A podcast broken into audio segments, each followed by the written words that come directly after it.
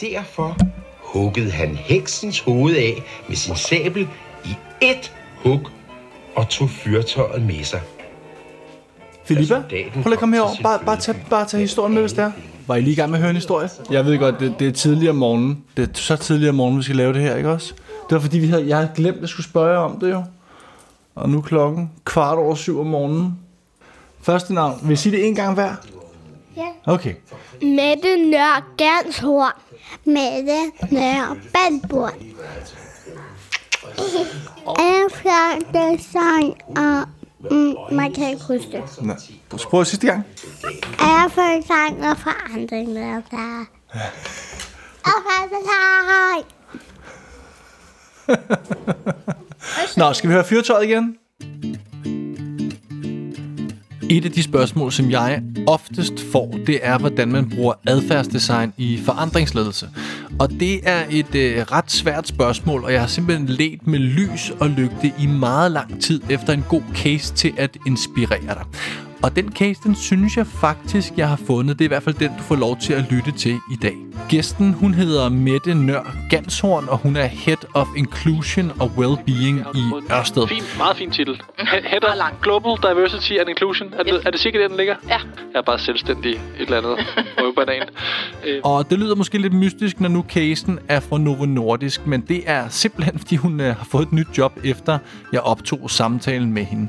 Casen er fra den gang, hvor hun var Head of Talent and Leadership i Research and Development i Novo Nordisk, og det er altså en afdeling med over 5.000 medarbejdere.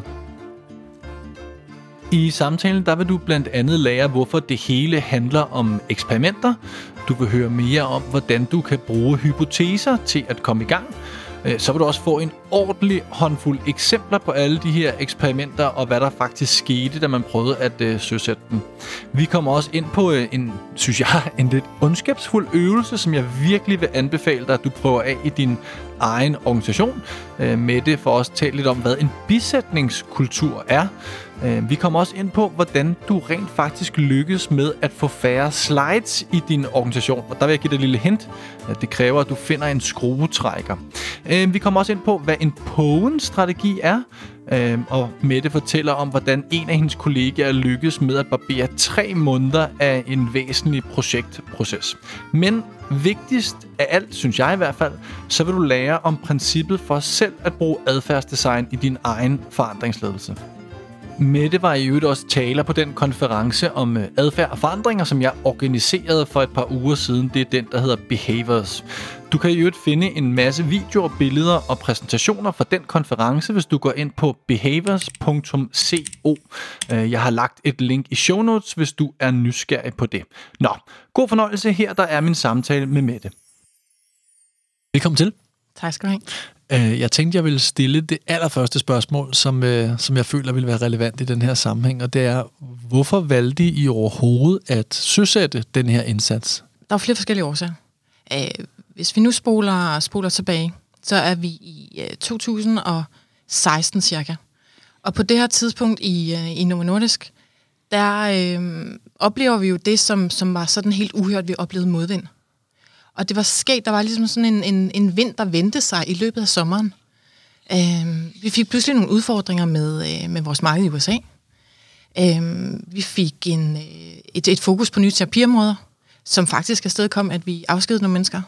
Ikke på grund af dårlig performance, eller fordi de ikke var nogle super dygtige og, og skarpe øh, øh, profiler, men simpelthen fordi vi havde, vi havde brug for noget andet. Øhm, og så kommer der sådan en til, til to til tre øhm, udfordringer, som en organisation jo ofte er udsat for, men Novo Nordisk er jo lidt sådan en, en virksomhed, der altid har med ind på cykelstien. så vi kunne ikke rigtig finde ud af det. Øh, og gik lidt og var lidt, øh, lidt fortumlet, og fik så en ny CEO også, øh, Lars Ja. ja. F., som, øh, Lars F., det er det, sådan, Lars F. det, er det han hedder. jeg ved ikke, hvad han hedder sådan blandt venner, men sådan hedder han blandt hans 44.000 nærmeste venner. Tvungne venner. øh, det er jo sådan meget, meget øh, populært at have sådan et, bare et bogstav som sit efternavn. Ja, det lyder lidt streetwise. Ja, ja. ikke at- jeg forveksler med Christiane F. vel? øhm, så vi fik, øh, vi fik Lars F. til, og, øh, og han var jo vokset op gennem systemet og havde øh, super godt indblik i, hvad er det for en kultur, vi render rundt i, og hvad er det så også for udfordringer, vi har.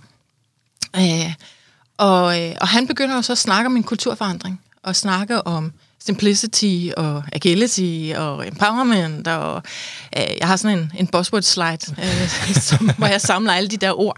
Jeg, jeg samler op pist og pist, den er, den er ved at være godt fyldt.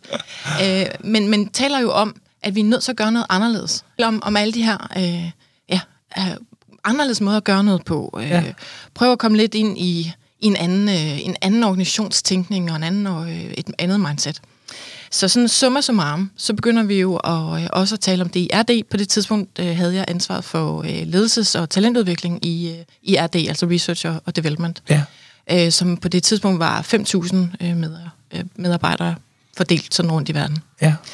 Øh, og, øh, og vi havde jo så også et, øh, et, et toptalentprogram, der skulle øh, gøre sig stablen der i, i foråret. Så vi sætter selvfølgelig forandringsledelse på agendaen og siger, at det, det må være det, der er brug for lige nu. Nu skal vi, øh, den her båd, den er lige lidt vakkelvogn, folk er lidt fortumlet, vi skal lige have lidt ro på. Øh, så vi øh, laver det her program, der handler om forandringsledelse. Mm. Fint program, og dejligt netværk, og dejlig frokost, og alting, alt er som det plejer. og så øh, får vi simpelthen en feedback bagefter, der hedder, det her, fint program, dejlig frokost, vi tror ikke en disse på, at I mener det her. Ja, okay. Vi tror, vi kan høre det, vi kan høre ordene, Ja. vi kan også se dem på smarte powerpoints, men vi kan ikke mærke det. Nej, okay. Øh, og, og vi har ikke os talenter, os kommende topledere i, i Novo Nordisk, vi har ikke en fornemmelse af, at hvis vi prøver, prøver at gøre noget af det her, at det så rent faktisk vil være velkomment. Nå, okay. Og det er jo sådan en feedback, øh, eller en, en kindhest, som man bliver nødt til at tage ad notam, ikke? Ja. Og, øh, og heldigvis så er der jo en øh, rigtig lyttende og, øh, og forstående ledergruppe, der sidder i, i RD med Mads Krogsgaard ved, ved bordenden, Ja. som siger, at det her, det bliver vi altså nødt til at gøre noget ved. Øh, den feedback, den kan vi ikke sidde og overhøre i. Hvad skal vi gøre? Så øh, kom tilbage med et forslag til. Øh, Var, var det dig, der fik den brief? Kom tilbage med et forslag. det var mig, der fik den. Tillykke. så gik jeg ned til mit team og sagde, vi skal, Ja, kom med et vi skal- forslag. Kom med et forslag. og så satte vi os ned og sagde, hvad, hvad ved vi egentlig? Hvad ved vi om, hvad ved vi om, hvad der virker? Hvad ved vi om, hvad, øh, hvad forandring egentlig handler om? Ja. Øh, Hvad ved vi, hvad der ikke virker? Nu har vi jo så lige oplevet noget, der, der faktisk ikke virker særlig godt. Og så øh, kommer vi jo, på det tidspunkt blev der også talt rigtig meget om øh, Kahneman. Mm. Der på det tidspunkt blæser der nudging-vinde. Øh, Jytte er, er dukket op på markedet også, og hende har vi også læst og grinet af. Øh, og, øh, og så samarbejder vi med, øh, starter samarbejde med, med London Business School, Mm. øh, som øh, på det tidspunkt havde nogle ret øh, gode tanker omkring forandringsledelse, og øh, absolut ikke sådan noget kottersk, øh, du skal straffe dem, der ikke gør det, de skal, men mere i retning af, hvordan får du forbundet smarte ord til adfærd. Ja. Øh, og, øh, og det går vi så i gang med at, at udvikle et program for. Okay. Og hvordan ser, øh, hvordan ser programmet, sådan, hvis du skal sådan rise kort op, hvad, hvad, hvad var så i det program, og hvordan var det så en smule anderledes måske, end de programmer, I ellers kørte, eller i hvert fald det program, du, du, du talte om før? Det, der var anderledes, det var nok at tage fat i, i lederens egen hverdag. Mm. Ikke i sådan et uh, to-be-scenarie, men mere at sige, der hvor du sidder, uh, helt nede i kassehøjde, der hvor, uh, hvor du arbejder. Prøv at se, hvad er det, du tænker. Du ved, hvor vi skal hen strategisk. Uh, håber vi. det er jo ikke altid noget, man kan tage for givet. Nej. Men, men med det øh, indsigt, eller den indsigt, du har i dit område, hvad er det så, du ser for muligheder? Hvad kan du lave som en hypotese for? Hvis nu sådan her, så kunne vi jo Ja. sådan her. Og her starter så den dejlige, konkrete metode, som Novo Nordisk brugte. Helt centralt i deres indsats, jamen, der stod begrebet eksperimenter. I stedet for at lave en kæmpe indsats med sådan en masse fluffy buzzwords, jamen, så bestod deres projekt af at generere så mange eksperimenter som muligt. Og der er altså tale om bitte små eksperimenter, som lederen selv satte i gang. Og hvis du tænker tilbage på sidste sæson, jamen så var det jo faktisk præcis den samme metode, som de brugte i IIH Nordic, da de skulle implementere deres fire dages arbejdsuge. Og undervejs i sin snak om eksperimenter, jamen der kommer Mette ind på en genial, men en smule ond øvelse, som jeg virkelig håber, du vil prøve af i din øh, organisation. Prøv lidt med her. Øh, altså overskriften, den hedder jo ledelseseksperimenter. Ja. Øh, og netop brug af ordet eksperimenter, og ikke projekter eller øh, øh, actionplaner. Altså, jeg, jeg må med skam melde, jeg har jo som konsulent har lavet rigtig mange actionplaner til Ja, det har vi alle sammen. Det skal du ikke tale for dårligt om. Og hvis bare en af dem er lykkedes, så tænker jeg, at det er, det er højt sat. Øh, Så undskyld til, Ja. ja. til alle, der har været udsat for det. Øh, Men, men netop at sige, at det her det er et eksperiment, det her det er en, en anden måde at gøre noget på. Men det vi gør, det skal stadigvæk være det, vi skal gøre. Mm. Men vi gør det på en anden måde. Så det er tilbage til det her med at eksperimentere med sin egen adfærd, for at afstedkomme, at andre også kan gøre noget andet. Mm. Så hvad kan jeg identificere i, min, øh, i mit nærvær, Ja. der kunne gøre, gøre tingene mere enkle? Så vi øh, kommer længere hen til der, hvor vi skal. Ikke? Ja. Så, så øh, noget af det, der var anderledes, det var, at de skulle eksperimentere meget mere, frem for at sidde og hænge for mange papkort op på væggene. Så skulle de generere nogle eksperimenter, eller være blive enige om noget, de ville prøve af. Hvordan- Hvordan var programmet så? Jeg er bare nysgerrig. Hvordan var det så grebet an? Var det så sådan noget med, så mødes vi om en måned, og så kan du så afrapportere, hvordan det gik med eksperiment Y? Nej, vi, vi havde de der indledende snakke, mm. øh, hvor, hvor de jo så også lavede hypoteser sammen med deres, øh, deres ledere og deres HR-partner i øvrigt. Og så mødtes vi to dage øh, i sådan nogle 30 menneskers øh, Ja. ja. cohorts. Og, øh, og arbejdede både noget, noget strategisk, men også noget teoretisk med, hvad er det, øh, hvad er det, vi mener, når vi siger eksperimenter? Hvad er det, vi mener, når vi siger adfærd? Mm. Øh, vi lavede sådan en rigtig, rigtig ond, øh, ond, ondskabsfuld øvelse, Jeg har lavet lutterøre. Det lyder som noget, jeg skal stjæle. øh, hvor vi øh, satte de stakkels mennesker op på gulvet, og øh, så lavede tre papkort. Et, tre, fem. Så står du selv som leder nede på, på femeren, og øh, tre, fire, fem mennesker står nede på et. ja. Og så er din opgave at oversætte. Vælg et buzzword, vælg et strategisk fokusområde. Ja. Og så skal du prøve at forklare til de mennesker, der står nede på et-tallet, hvad betyder det her? Ja. Hvad betyder det for mig? Hvad betyder det for jer? Hvad betyder det for den måde, vi gør noget på? Og opgaven var jo så for dem, der står og lytter, at sige, hvis det her det giver mening for jer, hvis I kan se, og hvis I kan mærke det, og hvis det også engagerer jer, så må I gerne bevæge jer lidt fremad. I det øjeblik, I ikke kan mærke det længere, og det bliver sådan lidt klichéernes holdeplads, Ja. så kan I godt tage et skridt tilbage. Ej, hvor er den genial. og det er jo simpelthen instant feedback, hvis Ja, ja, du nogensinde har fået det. Ja. Og når du som leder står på en ølkasse og måske adresserer 50-100 mennesker og fortæller, nu skal I alle sammen høre her, så aner du ikke, hvad der foregår inde i hovedet på dem. Nej. Øh, de sidder og drikker kaffe og spiser croissanter, og det er et eller andet morgenmøde. Men når du så står på gulvet, og du rent faktisk ser folk bevæge sig, så, så batter det noget. Ja. Øh, og, og både indsigten i, hvad er det egentlig, jeg synes om det her? Hvad er det, jeg tænker om det? Men også, hvordan kan jeg tilpasse det, sådan, så det faktisk giver mening for alle, Ja. øh, uanset hvor de er. Og hvis du så var rigtig, rigtig dygtig, så fik du hele gruppen frem på femmeren og et ordentligt kram. Og ellers stod de bare nede på etteren og sagde op og øh, fik sygemeldinger. der, og, ja. og vendte tommelfingeren nedad på sådan en Facebook-agtig måde. Ikke? At det var, Ah, men for sjovt. netop at få den der indsigt i, at Ja. ja. ved vi reelt set, hvad det er, vi vil. Ja, for det, det jeg ofte hører, det er jo en af mine helt store kæpheste, så jeg er jo så glad for at høre om, om folk, der arbejder konkret med de her oversættelser her. Øhm, jeg oplever ofte, hvis jeg kommer ud, lad os nu, nu jeg jo har arbejdet en del for Novo også, så jeg kender Simple Agile. Det er jo ikke fordi, det står også i Danske Bank og Ørsted. Det vil jo Det alle jo. steder, ja. Nå, men vi har jo også uh, Bold, er også et godt Novo, ja. uh, ja. ja, Ja. Bold Decision Making og Bold alt muligt. Øhm, og når man så siger til folk, øh, jamen det er jo vigtigt, at vi oversætter det, men det ved for alle folk efterhånden godt til. Men det har vi gjort, siger de. Så, så Ja. okay, nå, hvad, hvad, hvad skal man så? Jamen, det handler ligesom om, at du skal, du skal ligesom være one step ahead of your stakeholder. Jamen, det er, jo, det er jo ikke adfærd. Det er jo bare en ny strategi, du har fået der. Så hvad betyder det så? Ja. så og det, er jo- det er jo lettere at pege fingre, end det er at gøre det selv. Ja. Det er den første til at indrømme. Men det, der ofte sker, synes jeg, det er, at folk føler og tror, de er helt overbeviste om, at de har været så ekstremt i karsehøjde, som Ja. du brugte. Ja. Men når man så taler med de andre mennesker, der står den, de har bare stoppet med at lytte efter. At de, de turde ikke spørge for fjerde gang. Nej. Altså, hvad mener du? Det er jo simpelthen for pinligt. Ja. Og de andre sidder og nikker og lader som om, de har fattet det for at slippe ud af mødet. Ikke? Sidste år, der var det cross-functional collaboration, og næste år er noget nyt. Ikke? Øhm, Jo, præcis. Og i virkeligheden handler det jo nok ikke så meget om at, øh, at tale om det. Og det var det, vi rigtig gerne ville, ville i gang sætte. Det Ja. ja. handler om, hvad er det, du rent faktisk kan gøre, for at afstedkomme, at noget bliver mere agile eller simple. Ikke? Ja, præcis. Og, og da vi talte sammen inden interviewet her, der sagde du noget, noget, noget virkelig klogt, som er ekstremt kryptisk sætning, som er rigtig klog. Og det var noget i retning af, og nu gider jeg ikke sidde og læse den op, men det var noget i retning af, at Okay, det vil jeg faktisk godt alligevel, for den er virkelig vigtig, så det er vigtigt for mig, at vi nailer den her i starten. Det er her, vi med rette kan bruge ordet adfærdsdesign, selvom det efterhånden er blevet brugt til så meget, at det er blevet en smule udvandet. Men sætningen, som var briefen til lederne, den var sådan her. Hvad kan du med din egen adfærd gøre for at ændre konteksten for dine medarbejdere, så de ændrer adfærd? Med andre ord, hvordan kan du ændre konteksten, så den ansporer til en anden adfærd, frem for at vise folk 100 slides mere? Hør Mettes enkle forklaring her kontekst, du, du som leder opererer i?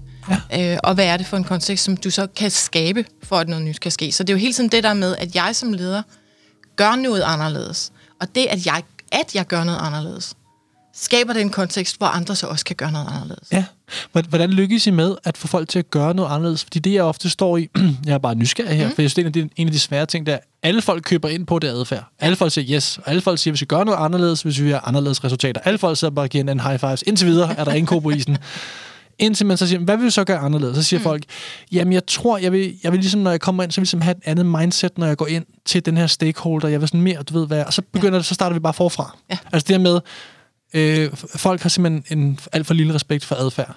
Så kunne vi ikke aftale, at du går ind, og så giver du hånden frem for en krammer, eller omvendt. Ja. Eller, men så begynder folk at sige, at det er jo ikke helt det, ledelsen har efterspurgt. De har jo efterspurgt en mindset change her. Det er ikke helt nok, vi bare lige går ind ja. Og gør X. Altså, lige snart vi kommer ned på adfærd, så er min erfaring, at så synes folk, det er for let, eller det er ikke helt nok. Ja. Kan du genkende lidt den? Ja, øh, ja. endda måske ikke fint nok. ja. Ja. ja. kan du uddybe det lidt?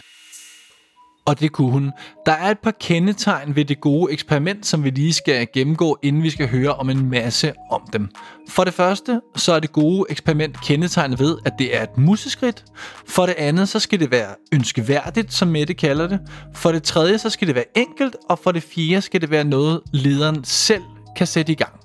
Og det handler jo om øh, netop at sige, hvad er, hvad er museskridtet? Altså, vi havde sådan nogle kriterier for, at du er nødt til at gøre det, nødt til at gøre det attraktivt. Ja. Altså, jeg har arbejdet i 100 år på at blive mere øh, systematisk i min øh, måde at arbejde på. Jeg synes ikke, det er særlig fedt. Nej. Så jeg tror ikke på, at det kommer til at ske. så det skal være desirable. Det skal virkelig være noget, du, du kunne synes var fedt. Ja. Det skal også være enkelt. Det kan ikke nytte noget, at øh, altså det der ord, der hedder stretch assignment, ikke? som egentlig er, nu klasker vi en hel masse ansvar og øh, arbejdsbyrde oven i dit i øvrigt fortravlede liv. Ja. Go do, og så håber vi på, at, øh, eller forventer, at du så kan virkelig exceede og sådan, ikke? Ja. Så sige, "Men det du egentlig gør i forvejen, hvordan kan du gøre det på en anden måde? Så desirable og enkelt, og så skal det ikke være noget, der øh, vælter Novo Nordisk, hvis det ikke lykkes.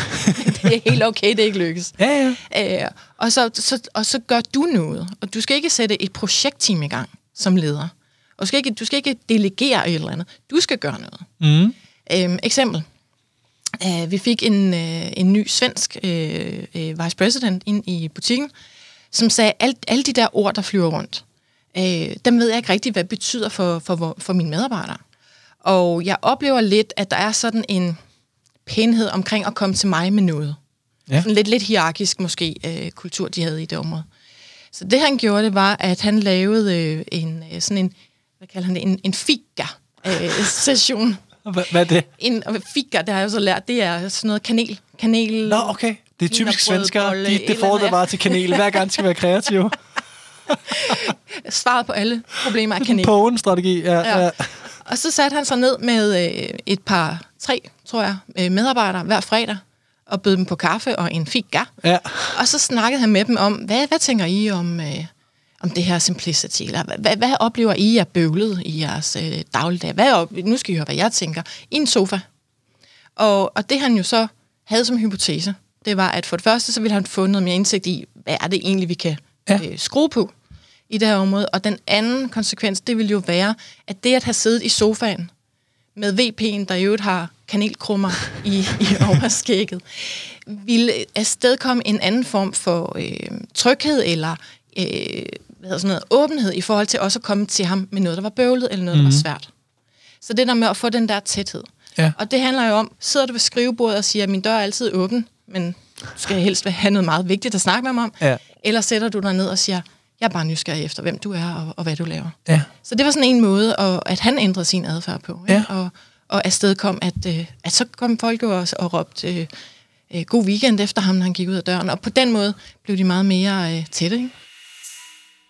Okay, du kender mig måske efterhånden godt nok til at vide, at jeg er pænt eksempel liderlig, så jeg bad Mette om at komme med en masse eksempler på de mange eksperimenter, som de gennemførte. Noget om de sådan konkrete, banale, øh, ufine eksempler på den ja. Fede måde, ja. som folk så prøvede at, at arbejde med. Der var en af vores rigtig tunge, øh, sådan en, en rigtig tung forsker. Super skarp, sådan en, man ikke gider spille Trivial Pursuit med. øh, han, han sagde, jeg oplever, at jeg er den, der bliver lyttet til. Når vi har øh, konferencer eller store møder, så er det sådan lidt, man skæler hen til mig og siger, hvad siger han? Og så, og så lægger de andre sig lidt i slipstrømmen, fordi han som regel også havde nogle rigtig, rigtig gode idéer og gode pointer. Og han sagde, det gør jo ikke, at de unge ligesom kommer frem. Dem, der er lidt grønnere, de, de unge forskere. Så hans øh, adfærdseksperiment, det var at tige stille. Okay, ja. Og hver gang der var en anden, der sagde noget, så ville han så sige, det synes jeg er knaldgodt, det der. Det synes jeg er en super god idé. Og på den måde kom han jo ligesom ind og lavede rygdækning. Ja, ja. Og hvis man så siger bold eller risikovillig, så var det lige pludselig ikke så svært for os nogle af de grønnere profiler at sige, hey, jeg tør godt. Ja, ja. Fordi der, jeg har noget klogt at, at komme med, ikke? Og, og noget at byde på. Og ham der, Ja, ja. han synes, jeg er klog. Så er, så er dagen reddet, ikke? Ja. En, en anden leder sagde, nu, nu holder jeg ikke one-to-ones på kontoret længere. Lad os gå ned på, øh, øh, på Starbucks, der ligger på hjørnet. Øh, Det var en leder, der sad i Seattle. Og så opdagede han jo faktisk, øh, han ringede øh, efter nogle måneder og sagde, nu taler vi faktisk om noget vigtigt. Ja. I stedet for, der er sådan lidt en tendens til, hvis du sidder med, med din leder og, øh, og har en øh, one-to-one, så gennemgår vi lige kalenderen, eller vi gennemgår lige sådan Ja, ja, lidt housekeeping. Ikke? Og det hører der gerne en slide eller to med til, fordi så kan vi lige...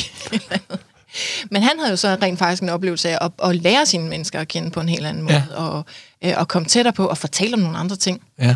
Fordi du ikke havde det der krygstok øh, og, og lænder op af. Ja. Som, Super godt eksempel. Ja. Super godt eksempel. Har du flere? Jeg elsker lille, eksempler. Lille, lille, bitte, bitte eksempel. Meget gerne. Øh, jamen, så var der jo, øh, den var også sjov, øh, det her team af super skarpe, altså, der er jo mange skarpe Ja, ja. profiler, ikke? Man bliver simpelthen så øh, nervøs at være sammen med nogle gange. Men det her team er nogle, sådan nogle business supporter en slags, øh, hvor, øh, hvor lederen siger, jeg vil ønske, at vi var lidt mere sådan øh, åbne omkring, hvornår er vi på glat is, hvornår er vi, øh, hvornår er vi usikre på, hvad vi laver, og hvornår har vi lavet en brøler. Ja. Fordi vi er så sindssygt dygtige, vi er så strømledende, og, og der er bare ingen slinger i valsen. Så han sagde, hans, hans forslag til sig selv var, jeg vil prøve at introducere, at vi skal dele nogle fejltagelser. Det er jo sådan mm. det der failure Ja. øh, failure-begreb. Det er jo sådan et meget populært.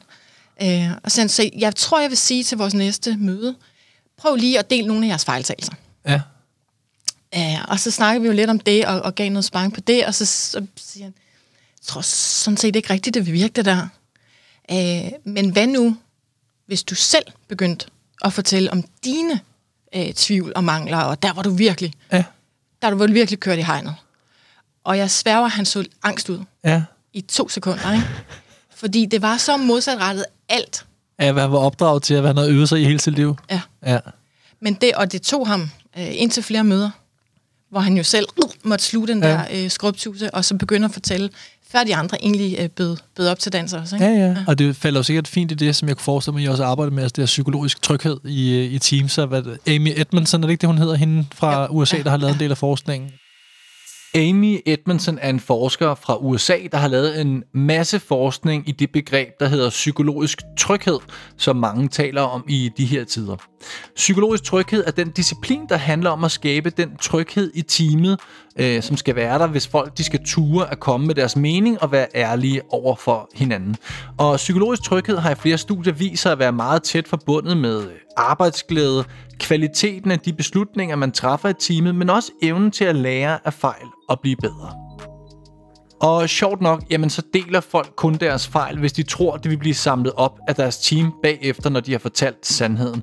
Og hvis lederen ikke går forrest, jamen så sker der sjældent så meget. Psykologisk tryghed giver også en kanal for en ærlig diskussion, hvor svisken ligesom kommer på disken. Mette havde et rigtig godt eksempel på netop det. Der var faktisk en af de bolde ledere, som, som på et tidspunkt rejste sig op og sagde, alt det her, det er meget fint, men jeg er jo blevet rekrutteret, og jeg er blevet udviklet, og jeg er blevet promoted, fordi jeg var ikke bold, fordi Ja. jeg var forsigtig, fordi jeg var perfektionistisk, fordi jeg var så compliant i alt, hvad jeg lavede. Øhm, så der aldrig var nogen tvivl om, at jeg havde styr på mine, øh, på mine stumper. Ikke? Ja. Så hvad havde I forestillet jer? Havde I forestillet jer at lave mig helt om? Eller vi skifte mig ud? Ja. Fedt spørgsmål. Rigtig fedt spørgsmål. Og i øvrigt et rigtig modigt spørgsmål. Ikke? Ja. Og man kan sige, det var jo slet ikke hensigten at skifte nogen ud. Øh, der var en eller to, som, som sagde, det her, det, jeg er ikke rigtig med længere. Nå, men det er da fedt. Så skal de jo heller ikke være Så det. skal de For alles skyld. Ja. Ja. Der var en, der fik et, et, et job i et andet sted. Altså man kan så sige, at det er jo heller ikke alle profiler, der skal være lige risikovillige og lige øh, ud over stepperne kaospiloter. altså hvis vi har... Hele compliance-afdelingen bare siger, skulle vi ikke eksperimentere? FDA, skulle vi ikke lave crowdsourcing? Og ja. Skal vi ikke lave en fejl til FDA og se, om de opdager den? Det er løgn, ja. Vi prøver at lade at følge procedurerne nede på fabrikken. Ja. Nej, Det get det er jo slet ikke det, der, Nej, der er intention. Ikke? Men det er, jo, det er jo et færre spørgsmål, fordi hvis du skal lave så stor en kulturforandring, hvad er det så, øh, du egentlig ønsker fra, fra folk? Og ja. det er jo det der med, jeg tror jo dybest set ikke, at du kan ændre din personlighed grundlæggende, Nej. men du kan i høj grad ændre din adfærd. Ja. Og så er vi jo tilbage til adfærdsdesign. Og, og hvad var, undskyld, Jacob, hvad var svaret til det gode spørgsmål der? Til det gode Ham, spørgsmål. skal vi fyre mig, eller vil I lave mig om? Hvad blev der sagt? Blev der bare svaret lidt politikeragtigt? Jamen det gode svar var jo, at, øh, at vi vil ikke lave dig om, men vi er nødt til at lave om på den måde, vi gør noget. ja. ja. og, på- og, og fortynde, og også hylde nogle andre ting. Så det handler jo også om, hvordan er det, det er det der med bisætningen igen. Ikke? Vi har sådan en bisætningskultur, der hedder, du får fri tøjler med dit budget, men du har godt nok af at holde det. Ikke?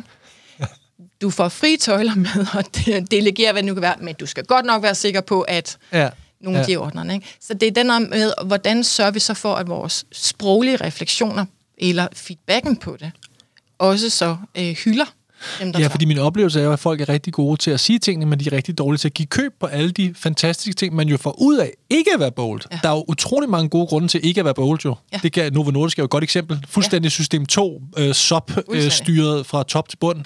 Og det er der jo en virkelig god grund til. Det er jo en af grundene til, at den har fået så stor succes. Det er den utrolige kvalitet, man kan levere. Det er fuldstændig vanvittigt bundniveau af performance, ikke? der er rigtig meget øh, intentionel Ja. ja. parathed, kan du sige. Ikke? Mhm. At øh, det her det er virkelig noget, vi vil. Vi har jo også en CEO, der stiller sig op og siger på et kvartalsmøde, ved I hvad gutter, nu har vi ikke længere et, øh, et, en, et ratingsystem på Ja. ja. vores performance. Det har ikke afstedkommet nogen øh, øh, positive effekter. Det er tungt, det er bøvlet, og I siger alle sammen, at øh, I ikke bryder om at arbejde med det. Prøv at være være. Ja.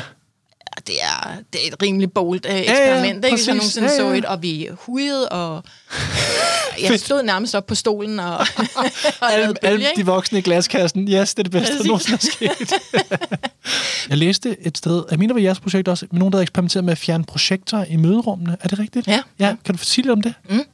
Jamen, det var en af vores ledere, som, øh, øh, som havde som hypotese, at der var bare for mange slides. Det var en hypotese. Jeg, jeg vil gerne... Ej, jeg forstår, hvad du mener. Ja. en, en øh, sandsynlig hypotese. Ja. Jeg tror ikke, at øh, Novo Nordisk er det eneste sted, Tror jeg der ikke. videre. øh, så så øh, hans hypotese var, hvad hvis vi øh, gjorde det umuligt? Det er det der med at gøre det, gøre det let at gøre det nye. Ikke? ja. Hvad hvis det var umuligt at vise slides? Det ville det være, hvis der ikke var nogen projekter i rummet. Ja. Så bliver vi jo nødt til at, at tale sammen i stedet for. Uha. Uha, Helt angstprovokerende. Øh, og så på den måde jo også ikke stå og læse op af øh, sådan en eller anden meget, meget, meget kompakt øh, ligstal øh, 97 til øh, slide, og så i stedet for rent faktisk have styr på, hvad er det, du vil sige? Og på den måde måske også sige lidt mindre. Og der var jo faktisk en af vores, øh, vores ledere, det var jo sådan en sød historie, som sagde, at, at han havde jo opdaget undervejs i det her forløb, at det var jo lidt vigtigere for ham, og jeg siger det her med stor kærlighed og respekt, men det var jo lidt vigtigere for ham at få lov til at præsentere de der smukke, smukke, gennemarbejdede slides Ja. til vores øh, topledergruppe. Øh, og så først på sidste slide ligesom give det der udfaldsrum for beslutningen. Fordi han jo synes, at hele argumentationen, der var bygget op, og det var nogle lækre data, mm. og alt det her, det var mere betydningsfuldt, og han var faktisk lidt ked af det. Han havde været inde på et møde, og i løbet af et halvt minut havde de sagt, ved du hvad, den er god, den der, den kører vi med. Så, jamen, jamen, vil jeg godt se resten? Ja. og, det, og, og det er jo, det var simpelt, Ja. og det var effektivt, men for ham var det jo simpelthen en nedturformat, ikke? Ja, ja. Og det er jo tilbage til det der med, hvor meget tid man han havde brugt på det. ja. Hvor mange reviews havde han øh, inviteret folk til, for at få noget feedback på, øh, har jeg nu styr på det hele, og Gud nåede at trøste mig, hvis der er en, øh, en trykfejl på en af Ja. også, ikke? Øh, og, øh, og så alt den tid, var det det?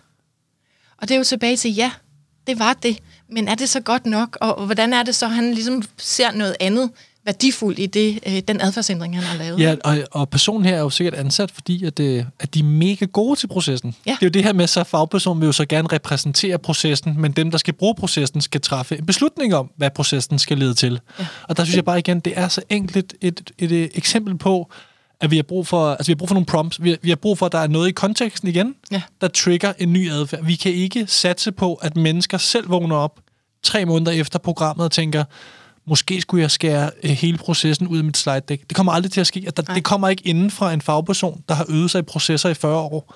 Men hvis der ikke er nogen projekter, Ja. så er de nødt til at tænke sig om. Ja. Og det er bare endnu et godt eksempel på, hvordan, øh, hvordan konteksten den bare betyder så meget. Det betyder utrolig meget. Okay, der blev altså iværksat en ordentlig bunke små eksperimenter, som havde til formål at ændre konteksten, så den ansporede til en ny adfærd. PowerPoint-projekter blev skruet ud af loftet, performance management-systemet blev skrottet, one-to-ones blev afholdt andre steder, og lederne begyndte at servere kanelboller. Men hvad med effekten af alle de her indsatser? Det spurgte jeg Mette om, og hun startede faktisk med at dele en lille brøler med os. Vi lavede en ordentlig brøler. Det Okay. var faktisk lidt sjovt. Ja. Øh, i, I os, altså mig og, og teamet, øh, Jakob og Stefan og jeg, da vi, øh, da vi så lavede sådan det, man kalder en follow-up, og i virkeligheden kan jeg slet ikke lide ordet follow-up. Det lyder som noget, du ikke behøver at gøre. Ikke? Ja. Øh, og det vi gjorde, det var, at vi var jo så ivrige efter at høre, hvad har effekten været, hvad er folks oplevelser, og hvad, hvad er der sket. Så vi sendte en meget fin PowerPoint ud, der var formentlig meget lang, øh, med et link til sådan et Excel-ark, Ja. hvor i du kunne notere dig på, hvilken øh, virtuel samtale ville du så have, hvor du kunne mødes med nogle af dine andre deltagere og tale om de her effekter. Ja. Og der var så nogle muligheder for et en times møde. Og folk væltede ind, fuldstændig proaktivt og koordinerede det for jer. øh, sjovt nok, så gjorde de det jo faktisk ikke, vel? Jeg tror, det var sådan noget med fem ud af, ud af 150, og resten ja. de ignorerede os, eller declinede, eller blev væk, eller hvad søren de gjorde. Ikke? Og vi sad der og måtte bare banke hinanden i hovedet og rive os selv i håret og sige, hold nu kaj, hvor vi faldt i vores egen fælde her. Ikke? Ja. Fordi vi har lige talt om system 1 og 2. Vi har lige talt om at eksperimentere og gøre noget lidt anderledes. Og så prøver vi at presse ind i den der kødhakker, der hedder sign up Ja. i, øh, i dit Outlook-kalender. Øhm, så det vi gjorde i stedet for, det var at sige, nu, nu trækker vi stikket på, på alt øh, sådan noget pjat, og så tager vi ud og snakker med folk. Ja. Øh, og, øh, øh, og dedikerede faktisk alt øh, Jakobs tid til det. Ja. Og, øh, og han var ude og f- både filme og, øh, og også snakke med medarbejderne. Fordi i virkeligheden handler det jo om, hvad er det, de oplever. Ja. Altså for ligesom at validere, har du rent faktisk set din leder gøre noget nyt? Ja. Ja. Og der er sådan også for at komme væk fra den der, der hedder, nu dukker jeg lige nakken i to uger, indtil min leder har glemt alt om, hvad de har Det plejer altså at være en god strategi. Det plejer at virke. Øh, og der var jo også nogle medarbejdere, der sagde, vi ved ikke rigtigt, hvad der er sket, og hvad I har gjort, men bare bliv ved med at gøre det, fordi der er faktisk sket noget anderledes. Okay, ja.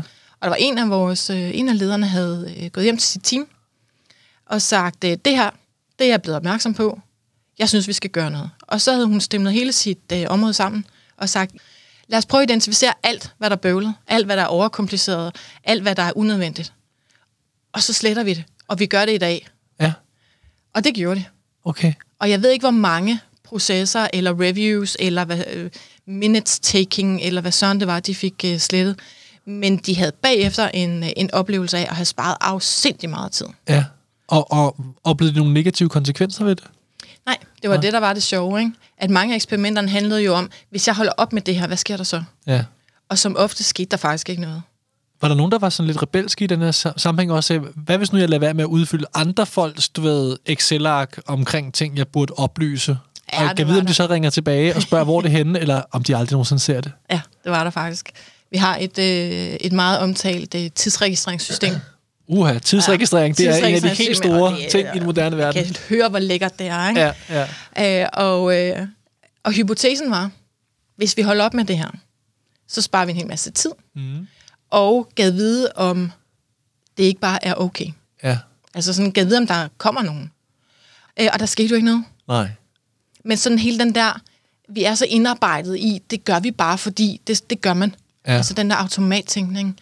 Og udfordre den. Så der var nogen, der var, der var rebelske. Der var så også nogen, der måske var for rebelske. Øh, og, øh, og fik lidt, øh, lidt feedback på det.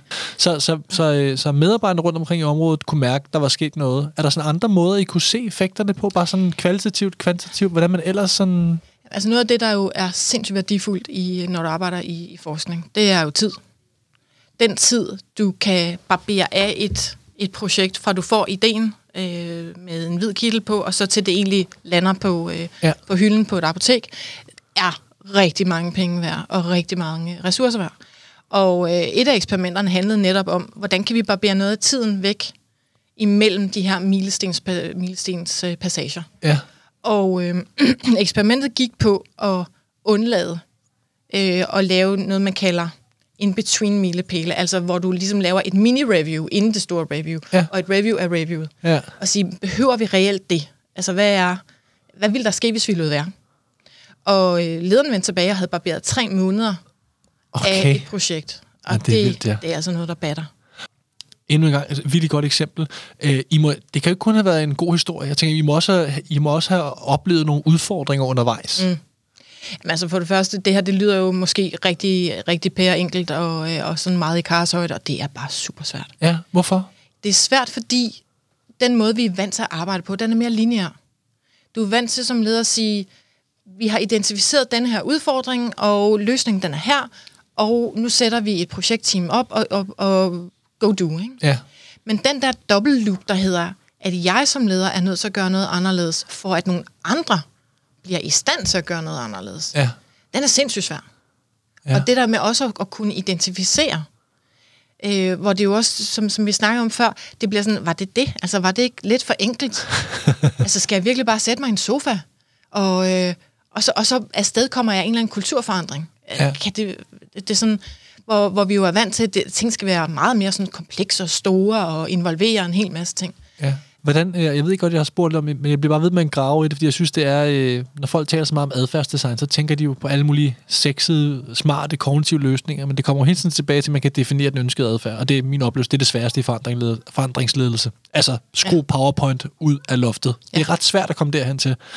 Ja. Øhm, de er lederen, der havde svært ved at finde på nogle af de her konkrete typer adfærd. Kan, det kan være, der ikke er noget svar på dem, hvordan i alverden hjælper I dem med at komme hen mm. til det, for det, det, det er det, jeg selv står med hver dag. Ja. At, at jeg prøver at hjælpe folk til at komme frem til noget af den her adfærd. Øhm, ja, det gjorde vi. Øh, og en del af det, vi var sammen om med lederne, det var jo netop at sætte os ned og sige, din hypotese, hvad er det, og kan vi så alle sammen hjælpe dig Okay, ja, fedt. med ja. at, øh, at give noget øh, inspiration eller noget indspark. Øh, en vigtig del var også, at vi fik vores, øh, vores øverste øh, forskningsledergruppe med på, øh, på togrejsen der. Okay. Og, øh, og at de var til stede, og også lyttede, og også lyttede i pauserne, men lyttede til, hvad er det, der rører sig, og gav noget feedback på, øh, hvad de oplevede som, øh, øh, som gode eksperimenter, eller som øh, relevante eksperimenter. Og de sad jo så også med nogle gange og lyttede med og gav indspark. Men det der med at kunne hjælpe hinanden med at udfordre den tænkning, det var en øh, en, øh, stor gave for, for mange. Ikke? Kan du give et eksempel på, hvis du kan huske det overhovedet, men sådan, øh, bare sådan så lytterne, inklusive mig jo også, kan forstå forskellen på hypotesen og den ønskede adfærd. Altså her, hvordan, lyde, hvordan vil en hypotese lyde, uden der var et konkret adfærd på? Kan du følge mit spørgsmål? Ja. Hypotesen kunne lyde, øh, øh, hvis vi blev bedre til at tale sammen, så ville vores samarbejde øh, blive mere effektivt eller hurtigere. Ja, okay, okay, ja. ja. Og det er sådan en, man tænker, ja, den, den, Den køber vi. den køber vi. Ja. Men hvad betyder det? Ja, hvad skal vi så betyder gøre? det i praksis? Og, og den adfærdsdiskussion, der jo så kom, det var, hvordan vil du, hvordan vil du, hvordan vil du afsted komme det? Hvem vil du tale mere med? Ja. Nå ja. Det, ja, men det, men jeg sidder jo i møder hele tiden, ja. siger vedkommende så, ikke? Det kan jeg jo ikke gøre. Nej. Hvad hvis du slettede nogle af de møder? Ja, ja. Altså, hvad er, hvad er det, du reelt kan gøre? Og en af lederne endte jo så med at, øh, at flytte sit skrivebord ud fra, øh, fra det sted, hvor, hvor vedkommende sad, og satte sig og plantede sig fysisk ude i projektet. Øh, og havde to dage der. Og det han så oplevede var, at de beslutninger, der som regel røg e-mails til og fra 100 gange, dem traf han på to sekunder. Ja. Fordi han sad der jo og hørte lige snakken og kunne lige et eller andet. Ikke? Ja, ja. Øhm, så det var fra hypotese til adfærd, men det der med, vi skal tale bedre sammen, eller vi skal have bedre samarbejde, det er sådan på intentionsbasis.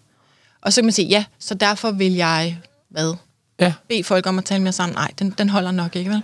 Men hvis du selv begyndte at tale mere, eller ja. øh, plantede folk i en anden kontekst, hvor de talte mere sammen, og du selv var til stede, så kunne det godt være, at der skete noget. Ikke? Ja. Altså noget af det, som, som jeg er meget optaget af, det er beslutninger. Ja.